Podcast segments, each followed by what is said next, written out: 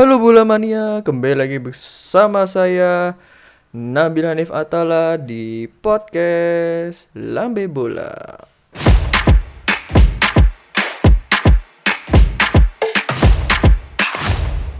Podcast terbaik di Nganjuk, setahu saya. Ya, tentunya akan membahas tentang sepak bola, sepak bola dan sepak bola.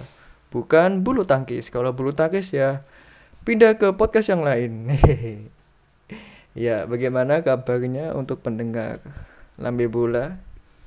Semoga baik-baik saja di masa Covid sekarang. Jangan lupa untuk selalu mematuhi protokol kesehatan. Kalau mau keluar ya pakai masker, bawa hand sanitizer ya. Ya jaga-jaga juga jangan lupa ya. Semoga kita semua diberi kesehatan, keselamatan dunia akhirat. Amin. Di podcast kali ini, di episode podcast kali ini agak berbeda dikarenakan teman saya fans MU aka Zainul Mustafa tidak bisa mengikuti podcast kali ini di episode episode kali ini karena dia sedang banyak tugas. Ya dia dia dia dia kuliah ya makanya namanya kuliah tugas menumpuk. Kalau nggak dikerjakan ya susah juga kapan lulusnya. Ya jadi ya saya akan membawa episode kali ini sendirian tapi nggak apa-apa. Saya akan coba membawa podcast ini sendirian. Ya ya ya kayak gitulah pokok. Anda dengarkan baik-baik. Kali ini kita akan membahas sesuatu yang lagi hangat-hangatnya kemarin yaitu ada El Clasico. Ya ini banyak yang ditunggu-tunggu oleh pecinta sepak bola tentunya dari fans Real Madrid maupun fans Barcelona. Ini adalah match yang paling ditunggu-tunggu karena dua tim ini adalah tim yang kalau dipertemukan sangat wah sekali dari dulu dari zamannya zaman zaman dulu lah pokok sampai sekarang. Selalu menjadi match yang paling ditunggu-tunggu. Dan hari Minggu kemarin sudah kita lihat bersama El Clasico yang di mana dimainkan di Camp Nou kandangnya Barcelona. Jadi si home-nya adalah Barcelona away-nya Real Madrid dan hasilnya adalah 1-2 dimenangkan oleh Real Madrid gol dicetak oleh David Alaba disusul Lucas Vazquez di menit 90 plus dan Barcelona di menit 90 plus 7 Sergio Aguero. Kita akan membahas match ini dulu ya sebelum ke topik yang lain. Kita bahas untuk Real Madrid. Real Madrid ini dengan David Alaba ini golnya luar biasa sekali ya. Padahal dia itu back center backnya Real Madrid tapi dia dia maju kayak kayak penyerang kayak striker. Bukan Benzema tapi strikernya ini Alaba kayaknya kemarin itu. Golnya indah sekali. Golnya berawal dari serangan balik ya. Oh, serangan baliknya Real Madrid kemarin mengerikan sekali. David Alaba maju hmm, apa itu namanya ditendang dari luar kotak penalti dan gol dengan kaki kirinya. Dan itu adalah gol debut untuk David Alaba. Selamat David Alaba, Anda melakukan gol yang indah, debut yang debut gol yang pas di El Clasico lagi debut golnya. Luar biasa sekali untuk David Alaba, semoga bisa bertahan performa terbaiknya dan kita akan membahas Barcelona. Barcelona ini gimana ya? Di tangan Kuman ini kayak nggak nggak berkembang sama sekali. Malah ya biasa-biasa aja. Nggak nggak nggak berkembang pesat semenjak ditinggal Messi ya. Maunya tambah meningkat eh tambah merosot. Itu fakta untuk Barcelona. Karena ya mainnya udah di kandangnya sendiri. Menguasai pertandingan tapi tetap tidak bisa mengcreate chance ada sih chance dari Des tapi tidak bisa dimaksimalkan itu Des kalau semisal dia udah di depan gawang loh udah di udah lawan kiper one by one tapi finishingnya melambung ke atas gawang. Ini Des ini gimana ini? Ya kita bahas formasi dulu ya. Formasi dari Barcelona ini Barcelona 4-3-3 ya di mana di belakang ada Mingueza, Garcia, Pique sama Jordi Alba. Kalau di tengah ada Gavi, Sergio Busquets sama Frankie De Jong. Untuk di depan ada Des, Ansu Fati dan Depay. Ya, 4-3-3. Kemudian untuk Madrid sama 4-3-3.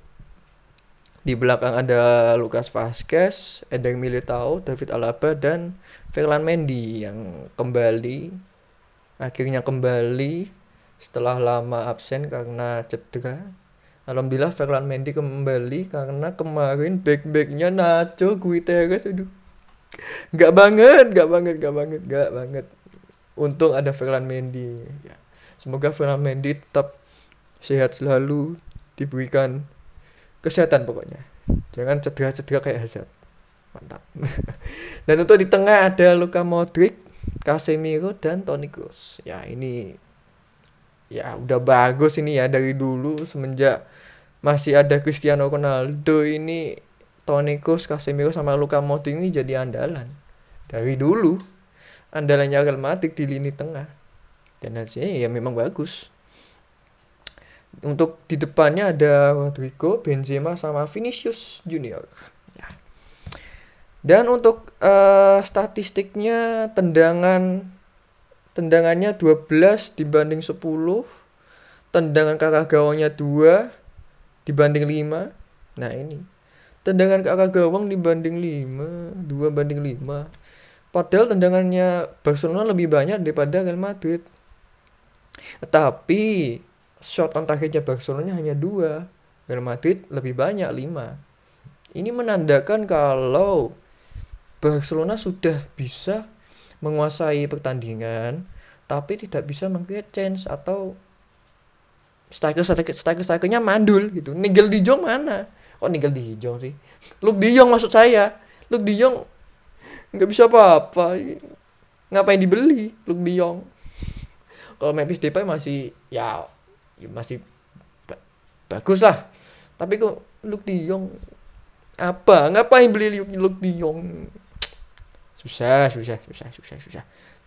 Dan untuk Ansu Fati yang kemarin bilangnya permainannya bagus performanya mulai meningkat kemarin nggak begitu bagus. Biasa-biasa aja jatuh jatuh sendiri mau cari-cari. Ini Ansu Fati ini uh, kalau semisal udah masuk kota penalti selalu mencoba melakukan diving. Dan untungnya kemarin divingnya tidak dianggap oleh wasit dan dibiarkan. Sudah itu Ansu Fati. Anda katanya the next Messi memakai punggung 10 di Barcelona. Tolonglah jangan diving diving. Messi tidak diving. Kenapa ada diving? Tolong untuk Ansu Fati. Dan untuk Real Madrid ini gila ya serangan baliknya sangat terstruktur gitu loh. Mulai dari Toni Kroos Toni Kroos mencari kanan kiri Rodrigo Benzema atau Vinicius. Tapi seringnya itu Vinicius yang di uh, dikasih umpan terobosan dan itu bisa dimaksimalkan oleh Vinicius. Kemarin Vinicius juga penampilannya bagus juga tapi ya kembali lagi kebanyakan skill ya untuk kerjasamanya kurang gitu. Ya bagus bagus. Tapi skillnya tolong lah dikurangin. Kemarin agak sebel juga kalau jadi fans Barcelona melihat permainannya Vinicius agak menggeli-geli gimana gitu. Untuk Vinicius lain kali menurut saya ya skillnya boleh lah boleh. Tapi jangan lupa kerjasama tim itu lebih penting. Kecuali anda kalau misalnya udah menang gitu ya. Udah menang habis itu uh, di menit menit-menit akhir tambahan waktu anda melakukan skill di pinggir lapangan itu tidak apa-apa. Itu meng mengulur waktu itu tidak apa-apa. Ya untuk Vinicius begitu saja. Ya untuk operannya 4 458 dibanding 453 ya. Ya ya hampir hampir sama sih. Nggak nggak berjarak nggak berjarak jauh banget. Untuk akurasi operannya Barcelona 88% dan Real Madrid 83% ya gitu pelanggarannya untuk Barcelona 17 dan juga Real Madrid 13 ya. Ya selanjutnya ya begitulah statistik untuk uh, El Clasico kemarin ya. Kalau menurut saya untuk penonton penonton fans uh, Real Madrid ya cukup terhibur melihat uh, match ini terutama golnya David Alaba saya respect untuk anda pertahankan. Dengan hasil ini Real Madrid masih berada di pucuk. Nah pucuk klasemen La Liga. Ya. Sedangkan Barcelona masih berada di peringkat 9 oh. Yang biasanya 2 3 4 5 itu Barcelona. Tapi gak ada ini cikik nah, tapi ini anehnya di apa itu klasemen Real Madrid Real Madrid biasa lah masuk ke lima besar klasemen. Ini biasanya kan Atletico Barcelona gitu ya? Ya Villarreal mungkin. Ini nggak ada. Atletico Barcelona. Nggak ada. Adanya Sevilla Betis Real Sociedad sama Rayo. Mana Atletico mana Barcelona mana Villa Villarreal kalian ke mana semua? Kenapa malah tim-tim kayak gini yang masuk apa itu lima besar? Kalau Sevilla masih bisa lah biasanya ya dua tiga empat lima lah untuk Sevilla. Tapi sekarang tuh peringkat dua bagus juga untuk Sevilla ini. Ya menurut saya sih untuk pertandingan lokasi kali ini menarik juga ya. Bagaimana untuk pendengar lambe bulas kalian bagaimana menurut anda tentang pertandingan ini? Silahkan uh, anda pikir-pikir sendiri. Kayak silakan anda sampaikan bagaimana uh, hasil pertandingan ini. Apakah seru atau membosankan atau biasa-biasa saja? Ya.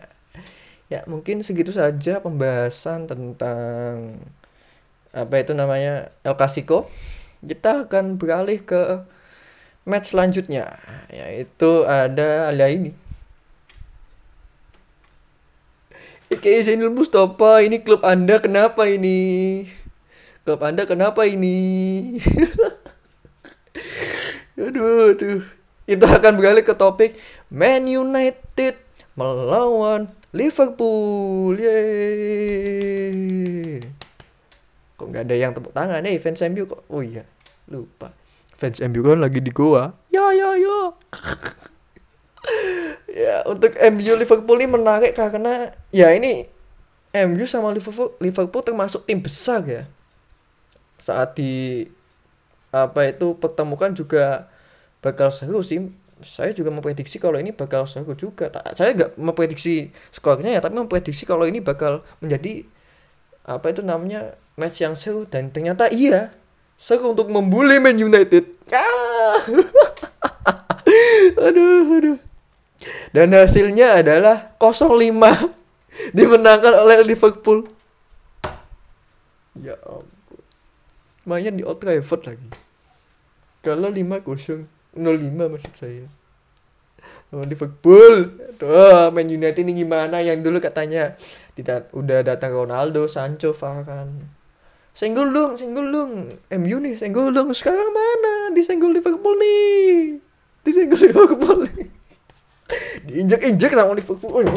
Siapa yang bilang senggol? Siapa yang bilang senggol? Gitu.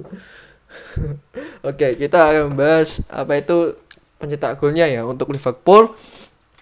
Nabi Keita di menit kelima, Diego Jota menit 13 dan Muhammad Salah mencetak hat-trick di menit 38, 45 dan juga 50. Ini kalau dilihat ya, di babak pertama saja sudah 0-4. Aduh. Gimana ini? Apa?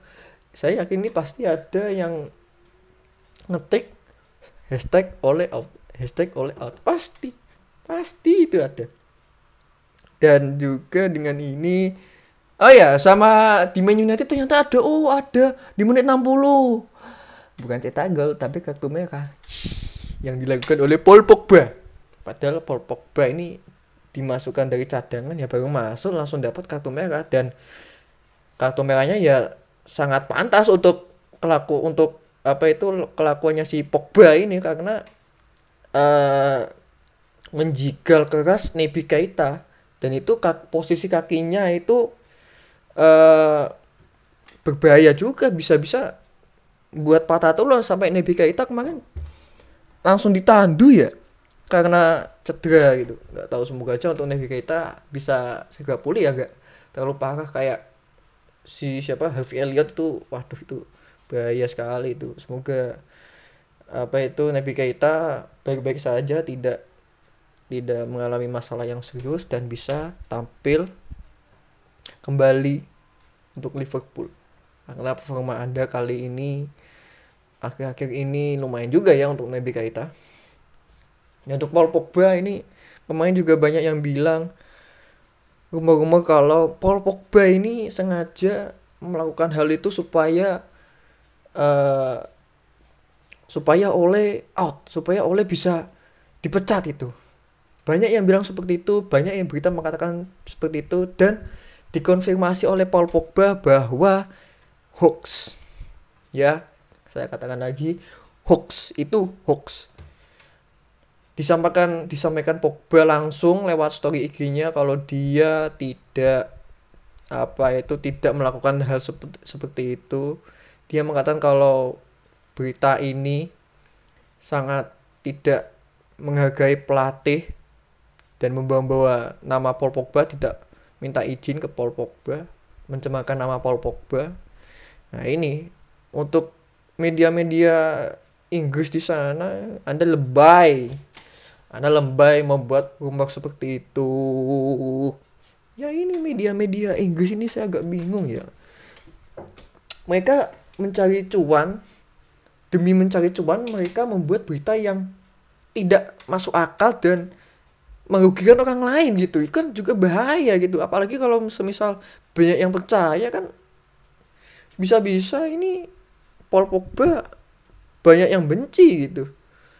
Bahaya juga ya untuk semuanya media-media di luar sana tolonglah membuat berita itu sesuai fakta saja jangan buat rumor-rumor sampah apalagi rumor kalau Paul Pogba mau mengeluarkan oleh out oleh out tidak itu hoax sudah disampaikan langsung oleh Paul Pogba. Oke. Okay?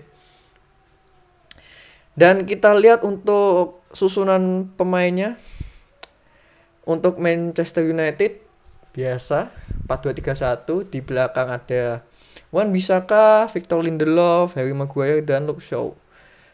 Mungkin ada yang bertanya, mana Farhan, mana Farhan? Farhan masih cedera ya. Cedera, jadi digantikan oleh Lindelof gitu. Terus yang di tengah ada McTominay dan Fred. Lord Fred. The God Fred. Gila ini Fred ini oh kenapa selalu Fred gitu loh? Kenapa gak coba Van de Beek? Kenapa gitu? Saya juga gak paham dan terus di posisi uh, eh, IMF ada Bruno Fernandes LMF nya Rashford dan juga RMF nya Greenwood. Dan strikernya adalah pastinya Cristiano Ronaldo dong.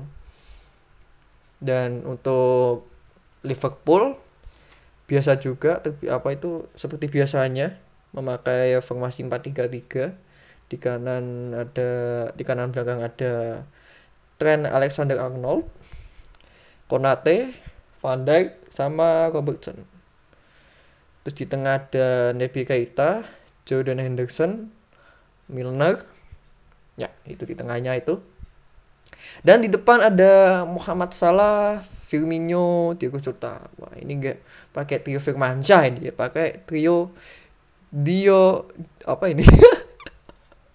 kalau Diego Jota kalau pilih Firmino sama Salah ini pantasnya dibilang apa ya? Kan kalau Sadio Mane, Firmino sama Salah kan duo apa itu uh, trio Firmansyah ya kalau orang-orang bilang trio Firmansyah ini kalau Diego Jota kalau itu Firmino sama Muhammad Salah ini bilang trio apa ini? Saya juga bingung.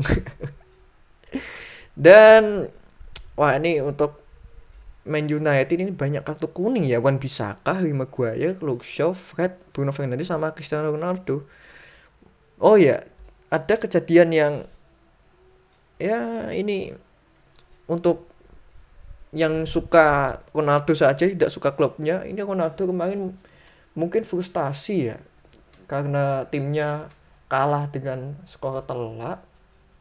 Dia itu uh, mengejar bola dihadang oleh Jonas. Jonas mengintercept bola si Ronaldo nya tapi kayak ngamuk gitu.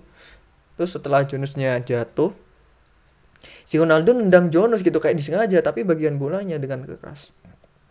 Dan itu membuat apa itu pemain-pemain Liverpool anu dong uh, ikut protes dong kenapa Ronaldo melakukan hal seperti itu? Bahkan kemarin Van Dijk langsung membody Ronaldo. What are you doing? What are you doing gitu. Ya untuk Ronaldo mungkin menurut saya frustasi ya karena ya namanya pemain bintang seperti apalagi karakternya seperti Ronaldo ini benci kekalahan.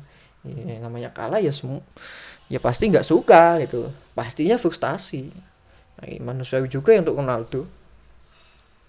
Ya tapi ya gimana ya harus bisa mengontrol emosi lagi lah. Semoga ke depannya bisa uh, diperbaiki lagi. Untuk Ronaldo semoga uh, tidak melakukan apa itu namanya hal-hal yang tidak diperlukan untuk tim. Ya itu itu aja sih. Dan juga statistiknya kita lihat untuk tendangan total tendangan MU 12 Liverpool 19 on on targetnya shot on targetnya MU 4 Liverpool 8 dan penguasaan bola MU 36% dan Liverpool 64%. Ya, ini Liverpool ini mulai bangkit lagi ya. Dari yang musim lalu, musim kemarinnya terpuruk kalah 7-2 waktu itu lawan Aston Villa ya waktu itu 7-2 ya. Aduh, itu memalukan sekali. Tapi sekarang udah bangkit lagi seperti tahun-tahun kemarin. Mulai bangkit Liverpool walaupun tidak membeli banyak pemain tapi tetap Liverpool bisa menjaga performanya dengan baik. Untuk operannya MU 409 dan uh, Liverpool 731 ya. Jelas Liverpool mendominasi pertandingan ini ya. Akurasi operannya 81% dan uh, Liverpool akurasi operannya 89%. Ya, bagus lah untuk Liverpool. Untuk pelanggaran 10 dibanding 8 ya. Dan kartu kuningnya untuk MU 6 sendiri ya. Waduh. Kemarin saya lihat MU itu gimana ya? Kayak kalau kalian tahu Liga 1 ya kayak gitu. Liga 1 India ya. Liga 1 India. Liga 1 India bukan Liga 1 Indonesia. Kalau Liga 1 Indonesia ya pastinya ramah dong. Nggak nggak main takam nggak main apa itu uh, sikut-sikutan gitu. Enggak enggak. Indonesia mainnya aman kok. Fair play mainnya kalau Indonesia. Nggak main takam. Yang yang saya maksud itu Liga 1 India ya. Tolong camkan itu. Ya kayak gitu. Dan apa itu namanya ada kejadian unik di mana fans Manchester United saat pertandingan masih berlangsung di menit ke di menit ke 65 ya.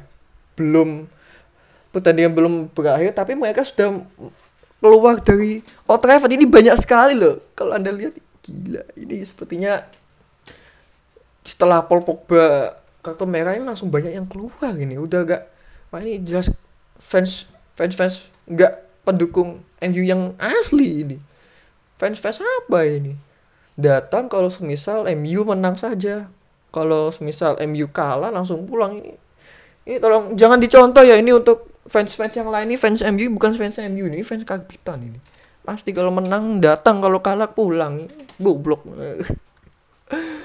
Dan juga kemarin uh, si Alex juga si Alex Ferguson juga melihat uh, pertandingan tersebut uh, tapi sayangnya uh, hasil skornya 5-0 0-5 kayak gitu ya jelas kecewa sih Alex Ferguson.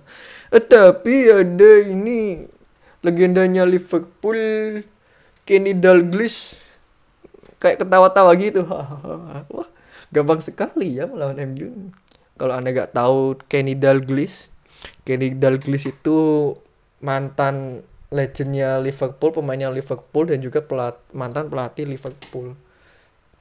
Ini legendnya Liverpool lah pokok. Ini mengis mengis guyang guyu mesti neng pikirannya gitu wah.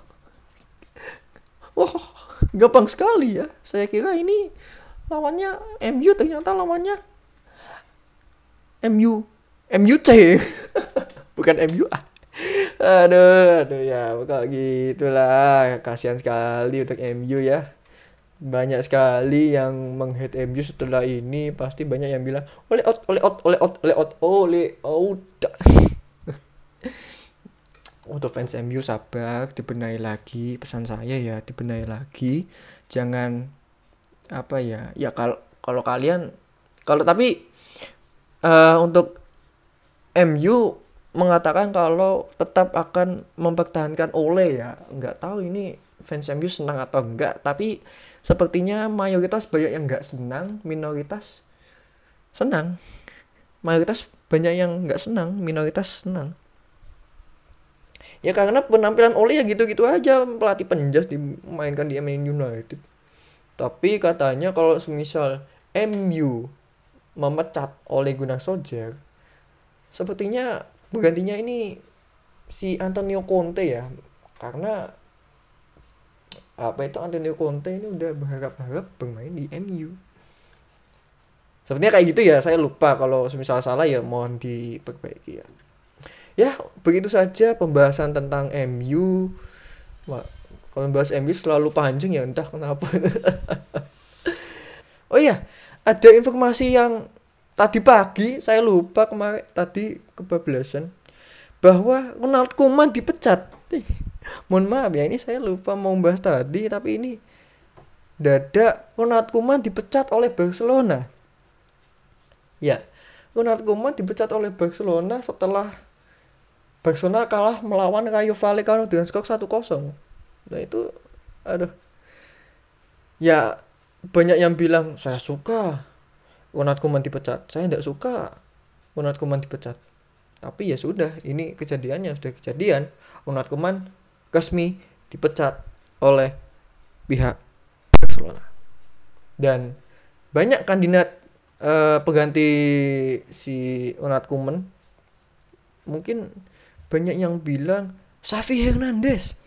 Kalau kalian tahu Xavi Hernandez itu ya mantan pemainnya Barcelona pastinya. Dan sekarang menjadi pelatih di klub Alsat dan kalau kalian lihat pemainnya pemainnya yang dilatih oleh Xavi Hernandez ini Alsat mainnya bagus juga loh dengan taktik-taktiknya.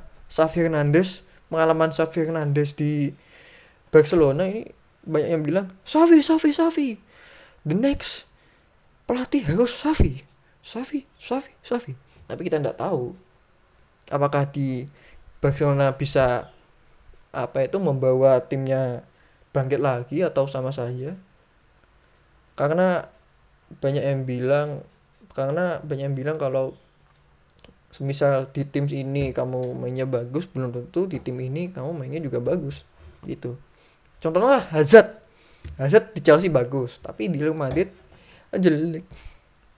Semoga semoga gak, gak semoga anu ya semoga meningkat lagi untuk Hazard ya. Mas saya fans Real Madrid kok nggak dukung? Dukung lah ya selain Xavi Hernandez ada Marcelo Gallardo dari River Plate. Ada Roberto Martinez dari timnas Belgia.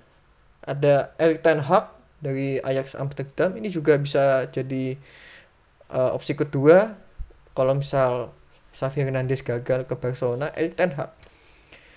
Banyak yang bilang Erik ten Hag bakal jadi uh, kalau misalnya Xavi Hernandez gak anu gak jadi pelatih Erik Ten Hag kalau lihat Erik Ten Hag ini di Ajax kemarin ini sekarang Erik Ten Hag ini di Ajax lagi meninggal loh Ajaxnya.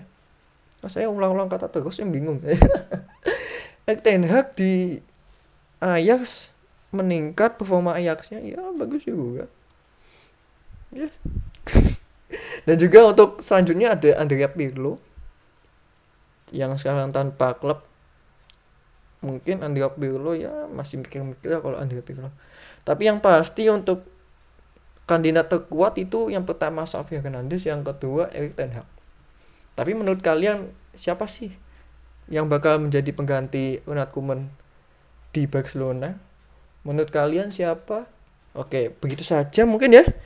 Uh, untuk episode kali ini ya walaupun saya sendiri tidak apa-apa lah. Tapi untuk episode selanjutnya saya berharap Sinul Mustafa teman saya bisa kembali lagi menemani saya podcast di podcast Lambe Bola. Baik sekian podcast kali ini. Jangan lupa follow follow follow follow podcast kita. Cari saja di Spotify Lambe Bola podcast pasti keluar. Ya sekian dari saya. Bye bye